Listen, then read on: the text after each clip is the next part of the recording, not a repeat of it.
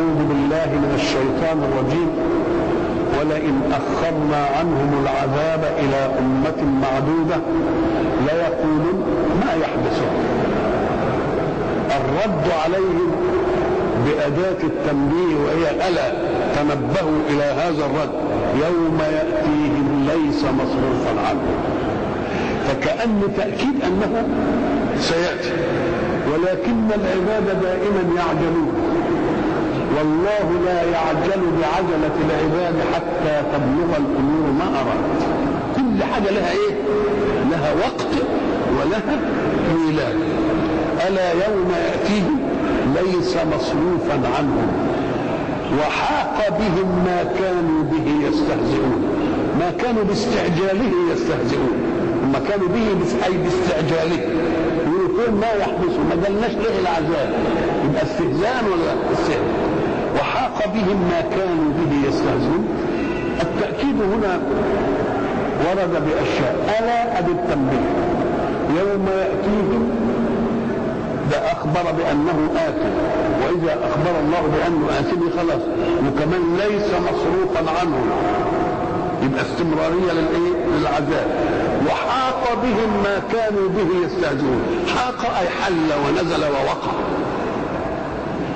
حاق إحنا عارفين انها فعل ماضي والكلام على أمر مستعجل. والأمر المستعجل إنما يعبر عنه بالمضارع من الاستقبال. لأن ما تستعجلش حاجة وتقول وتجيب لي الماضي. لأن الذي يستعجل هو ما لم يأتي. والماضي لشيء أتى. ولذلك إحنا قلنا عند قول الله سبحانه وأعوذ بالله من الشيطان الرجيم. بسم الله الرحمن الرحيم.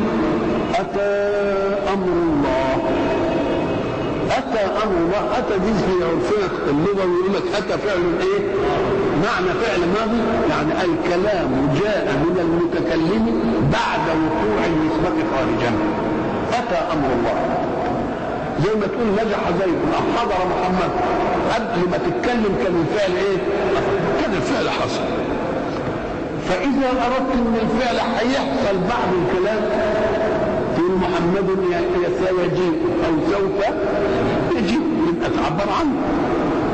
فلما فحين يقول الله أتى أمر الله فهم أن أتى أمر الله نسبة كلامية. سبقتها نسبة واقعية خارجية. ثم يقول بعدها فلا تستعجلوا. كلمة فلا تستعجلوا يدل على أنه ما وقعش وأتى تدل على أنه إيه؟ وقع. قال لك لاحظ أن الكلام مأخوذ بقانون المتكلم. كل كلام يؤخذ بقانون مين؟ بقانون المتكلم. إزاي؟ قال لك افرض ان عندك مثلا آه شوية أشياء ثقيلة كده تلفة تلفة تلفة فجاء الولد الكبير قال أنا شيلها يبقى لما يقول أنا شيلها يبقى يقدر يشيلها في زمن يناسب قوته. يجي الولد صغير يقول له لا طب سيبها وأنا اشيلها يبقى الشيل هنا غير الإيه؟ إن كنت هتقبل من بكرة يشيلها في ساعة يبقى ادي لده إيه؟ حسب عمره. عمره القوي بتاع القوة بتاعته. اديله ساعتين اديله ثلاثة. يبقى اذا كل حدث إيه؟ واحد مفهوم إن عنده سيارة. والثاني مفهوم إن عنده جواد والثالث مفهوم إن عنده إيه؟ حمار مثلا يقول أنا ساصلك في طنطا يوم أنا أقدر ان ده هيوصل في ساعة. انما الثاني ده يوصل في ثلاث ساعات. والرابع اللي مش عارف إيه يوصل في اذا كل فعل ينسب إلى مين؟ ينسب إلى قوة فاعله. قوة فعله لما يحكم على الفعل نقول له أنت تحكم على الماضي يبقى إما صادق وإما كاذب. إنما على أمر المستقبل حاجة تيجي في المستقبل ما تقدرش تحكم عليه ليه؟ لأنك لا تملك شيئا من المستقبل. ما تملكش نتيجة ولا ما إنما إذا كان القائل للكلام قادر على إنفاذ ما يقوله الآن في المستقبل ولا عائق يعوقه. يبقى يقول على الشيء اللي هيجي لسه جاء يعرف إنه جه. أنا قلت إنه جه. آه يبقى أتى أمر الله إخبار ممن إخبار من الله وما دام أخبر من الله ولا شيء في الكون يتأبى على الله يبقى إن قال إنه قد أتى وهو لم يأتي فاحكم بأنه كالاتي تماما. ولذلك قال وحاق بهم مع ال- السياق كان يقول إيه؟ وسيحيق بهم ما كانوا به يستهزئون هيجي لهم لأنهم لسه ما بيستعجلون.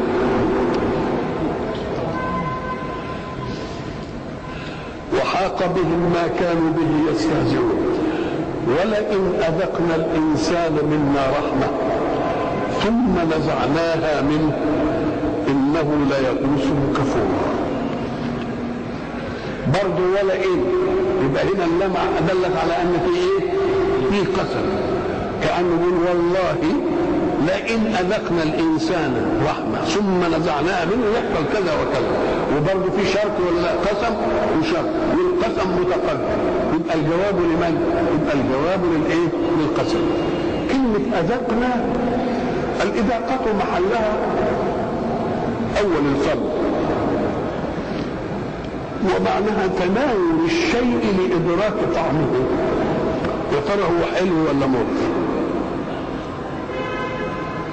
يا ترى حريف ولا مش حريف؟ يا ترى لاذع ولا مش لاذع؟ ترى القلوي ولا حامل؟ يعني تعرف تدوق ومن العجيب في التكوين الإنسان يدل على الدقة أن كل منطقه في اللسان لها طعم تنفعل له. مش كل حتة تنفعل لكل طعم. لا. في حتة طرف اللسان وسط اللسان جوانب اللسان آخر اللسان كل حتة لها إيه شوف العضو الواحد اللي ربنا يركبه التركيب اللي بحيث كل بحيث لو جاءت الشطة في مكان ما بيدوش إلا الحلاوة ما تحسش بيه وفي بقى في في بضع انواع يقول لك في بضع إيه؟ بضع انواع مساله من من عجائب من عجائب الإيه؟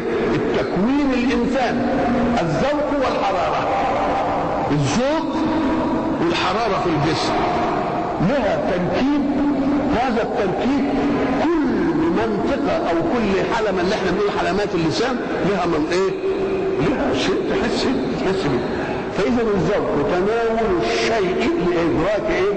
طعمه والحكم عليه بما تحب. ولذلك تيجي مثلا تاخد تقول لك لا ده دي دلع. يا سلام. بقى عندك دقة كده لما تقول ده دلع. وتقول لا ده حادق قوي الله. يا ده ده حلو خالص يا شيخ حلاوته زيادة قوي لما كتروا له الشربات ودي حلاوته مقبول الكنافه دي حلاوتها مقبوله الله. إيه الأعمال الأحكام اللي عماله إيه؟ تنزلها على المطعومات وكل حكم بايه كل حكم بدقه أما قال لك الذوق والحرارة في الجسم الاثنين. يجي مثلا يقول لك ده قيس حرارة هذا المريض. تقول لك حرارته كام؟ يقول لك الحرارة العادية إيه؟ 37 مثلا. إن نزلت يقول لك ده عنده إيه؟ هدوء إن ارتفعت يقول لك مش عادي تقوم تقول له طب دي الحرارة العادية في الجملة.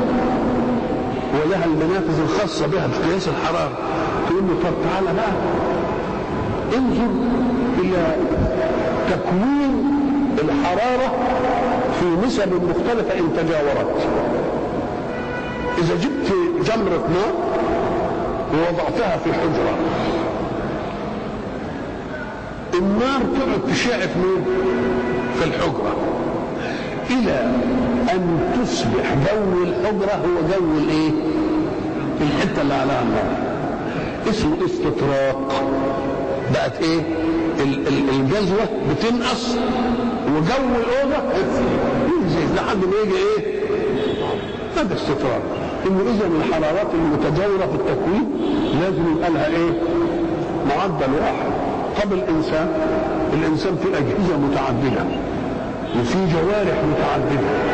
كل جهاز على حدة تلزمه لمهمته درجة حرارة خاصة. الكبد ان حرارته قلت عن 40 ما يؤديش مهمته. شوف الكبد انت انت بالعادي سبعه وكام دوكا لازم 40 والكبد في قلب الجسم طب ليه بقى الحرارة دي ما تستقرق ما تستقرقش كده ويا بعض يبقى ليك متوسط في الليل الله. طب ده انت هنا زي تسعة. لأنها لو زادت عن تسعة عن عن تسعة تحرق. تفقع العين. الله. واليد مثلا ثمانية إذا كل حتة قربت الأمر حتة لها إيه؟ درجة حرارة مختلفة مع أنهم كلهم إيه؟ وأنت لا تستطيع في عرفنا أن تأتي بأشياء مختلفة الحرارة وتحطها مع بعض ثم لا تختلط مع بعضها ولكن الخالق هكذا أرى من أعجب من إيه زي مسألة اللسان الروح اللي قد البتاع اللي قد كده وعمالة إيه؟ وتعطي الإيه؟ الطعوم بدرجاتها أيضا حست البنات البنات هلا إيه الحكاية دي؟ تمسك مثلا القماش ده بين صوابعينك كده وتمشي القماش تاني تقول له ده اراء ويبقى بجنيه. هو الفرق يطلع قد إيه؟ لا تقول له ده اراء ده مش عارف إيه. وده إيه؟ وده ما تقولش أنعم لأن أنعم دي سلطة اللمس إنما حاسه البيت. لما تمسك دي كده بين كده وتمسك دي تقول لا دي ادخن إيه اللي قال لك دي ادخن ودي الحاسه اللي بين إيه؟ اللي هي قننتها دي. دي عملت قد كده ودي كده ودي كده. ما سبحان مسألة تكوين إيه؟ اسم بقى ولئن أذقنا الإنسان أذقناه. والذوق مش هو الأكل. الذوق بس لإدراك الإيه؟ ولذلك بس يقول لك لما تيجي تشتري حاجة مثلا من يقول لك خد دوق. مش خد كل. تقوم أنت تدوق تاخد بلحة مثلا تدوقها مش كده ولا مد إيده خد بلحة ثانية والثالثة قال له لا بقول لك دوق مش يعني ما تزودهاش بقى. يبقى الذوق عبارة عن إيه؟ بس تناول الشيء لإدراك طعامه بعدين تاكل أو ما تاكلش ده يبقى بالثمن يبقى بال... بال... بال... بالفلوس. ولئن إذا الله يريد أن أي نعمة تصيب الإنسان ولو كانت قليلة ثم تنزع منه والدنيا تقوم. اشمعنى يعني قليله؟ أم قال لك لأن اللي كان يشعر بالفرق لما تكون نعمة واسعة. وبعدين اتنزعت إنما نعمة قليلة قريبة من قريبة من مفيش قريبة من إيه؟ قال لك ومهما قلت النعمة وتيجي تنزعها منه يبقى يئوس وكفور. يئوس اليأس قطع الأمل من حدوث شيء. ما يحصلش ما يئست من هذا. طب تيأس ليه؟ ييأس ليه؟ قال لك لأنه لا يملك الفاعل طب لو كان بقى عنده اللي يقدر عليه يقول لك ما ييأس ولذلك قال ما دام لكم الله ما تيأسوش لا تيأسوا من إيه؟ إنه لا ييأس من روح الله من القوم الايه؟ كافرون يبقى اذا اليأس معناها إيه؟ إنك تقطع الأمل من حدوث أمر مراد لك وتيأس ليه؟ لأن ما عندكش وسائل لتحققه. طب لو كان عندك وسائل لتحقيقه يجي يأس؟ يبقى إذا الإنسان اللي يبقى ييأس لما تنزع منه النعمة هو الذي إيه؟ ليس له إله. هو الركن الرشيد والشديد له اللي يقول لك ما ربنا موجود ممكن يديه لي تاني يجيبوا لي تاني زي ما نزعوا منه يقدر إيه؟ يجيبه إنما اللي ملوش بقى إيمان بإله بمجرد ما ينزع عنه يقول لك ده إيه الصدفة دي يمكن ما تتكررش يمكن ما تحدثش إذا كان مثلا واحد ماشي ومعاه جنيه وسرق منه يزعل ولا ما يزعلش؟ طب وإن كان عنده 10 جنيه في البيت يبقى الزعل اذا الإنسان ييأس إمتى؟ عند عدم يقينه بمصدر يرد عليه ما يريد إنما حين يؤمن بمصدر يمكن أن يرد عليه ما ما يريده أو أنت يئوس وكفور أيضا ليه؟ قال لك لأنك أنت لما كان عندك النعمة ما شكرتش منها لما كان عندك النعمة ما شكرتش منها لكن لو كنت متنبئ عند النعمة أن للنعمة واحد. فإن سلبت فاعلم أن واهبها هو سالبها. وما دام اللي وهبها هو اللي سلبها يبقى لهنا حكمة ولهنا ولهنا حكمة. ولئن أذقنا طيب ولئن أذقنا الإنسان الإنسان الإنسان معروف إن هو بني آدم وأفرادها كتير وهيبقى منهم مؤمن ومنهم كافر الإنسان هو اللي تحصل له هذه العملية. قال لك شوف كده هل استثنى منها أو لم يستثنى؟ فإذا رأيت استثناء منها فاعلم أن الإنسان يراد به العموم. بدليل يستثنى منه أعوذ بالله من الشيطان الرجيم والعصر إن الإنسان لفي خسر. إلا الذين آمنوا. الله استثنى من الإنسان الإنسان مفرد قال لك ده مفرد في اللبس. ولكن ما صدقه الجماعة. الإنسان يعني كل إنسان الاستغراقية. مش الإنسان يعني محمد وعبد الله لا. الإنسان في كل مدلولاته. وما دام استثنى من الإنسان الذين آمنوا استثنى منه جماعة يبقى الإنسان جمع ولا لا؟ الإنسان جمع. طب وما دام استثنى منه الذين آمنوا يبقى قبل ما يستثنى. كانت كلمة إنسان تطلق على على المؤمن وعلى اللي مش مؤمن. يبقى إذا رأيت كلمة إنسان وبعدها استثناء منه فاعلم أن المراد بالإنسان أفراد الإنسان كله. قال لك الإنسان كله في خسر قال لك آه الإنسان لو عزل نفسه عن منهج السماء. الإنسان على مين؟ على إطلاقه في خسر إلا إذا التحم بمنهج السماء. فإن التحم بمنهج السماء حمته من غرائزه. لأن الغرائز مطلوبة للخالق. الغرائز مطلوبة للخالق. مثلا غريزة الجوع ده لازم توجد غريزة الجوع علشان تخليني إيه اطلب الطعام والعطش علشان اشرب غريزة بقاء النوع لازم أتجوز عشان قلت النوع إذا أنت غرائز حب الاستطلاع ما هو ده وشوفات العلم كلها من غريزة إيه؟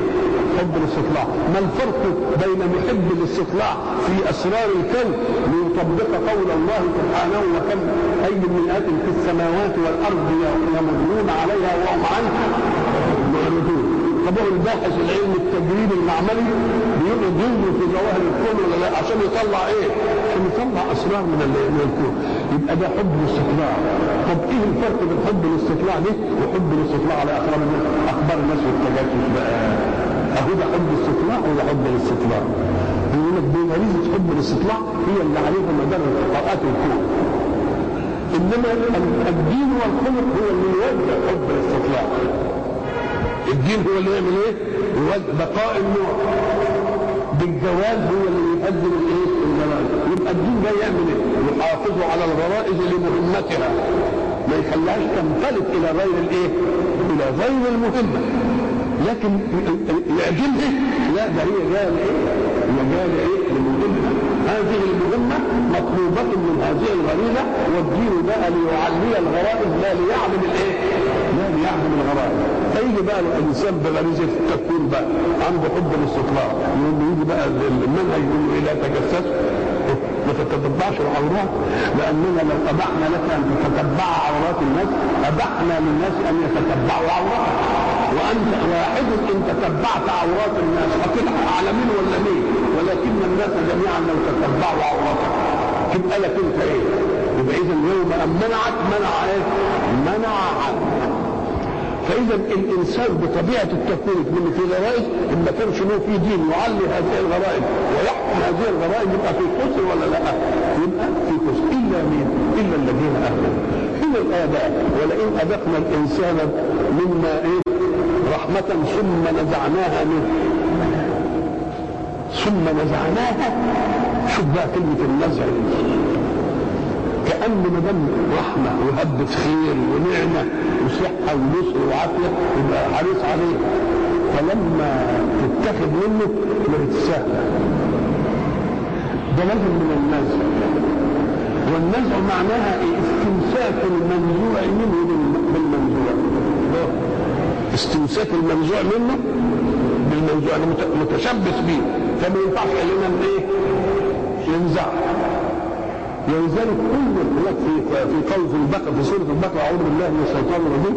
قل اللهم مالك الملك تؤتي الملك من تشاء. ملك وتنزع الملك ممن تشاء. شوف كلمة وتنزع الملك يعني عمال بقى كأن الذي ملك عايز إيه؟ متشبث قوي بالملك وعمالين إيه؟ ينزعوا ينزعوا منه. ثم نزعناها منه. الله سبحانه وتعالى قال بعد ذلك إلا الذين صبروا وعملوا الصالحات أولئك لهم مغفرة وأجر كريم يبقى الإنسان المراد به الإنسان هو الكافر ولا على إطلاقه اللي العلماء اختلفوا بقى فيه أم قال لك يا أخي ده باين على الكافر ليه؟ لأنه بيقول لك يئوس ولا ييأس من روح الله إلا القوم الإيه؟ وقال لك كفور وصر عليه له إيه؟ كفور قال لك ما هو فيه كفر نعمة هو كفر توحيد. وكفر إيه؟ توحيد. لكن القاعدة إذا ذكر لفظ الإنسان على إطلاقه فإن استثني منه يبقى للكفر وإن لم يستثنى منه يبقى لما إيه؟ يبقى للمقصود منه. أم يحسدون الناس على ما آتاهم الله من فضله؟ أم يحسدون الناس على ما آتاهم؟ يبقى في حاسدين وفي إيه؟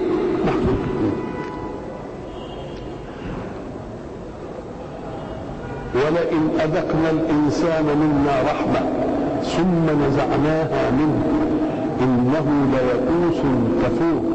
هات المقابل بقى هو أذاق رحمة ونزع؟ هات المقابل بقى. ولئن أذقناه نعماء بعد ضراء مسته يبقى الحالة الأولانية كان الموجود إيه؟ الرحمة اللي هي الخير واليسر وبعدين نزع طب والحالة الثانية كانت الضراء هي اللي إيه؟ اللي موجودين. النعماء هي اللي حطتها. يبقى النزع في الأولى طرأ على رحمة موجودة. والنعماء طرأت على ضر إيه؟ على ضراء موجودة. في فرق بين نعماء ونعمة. وضراء وضر. الضر هو الشيء الذي يؤلم النفس.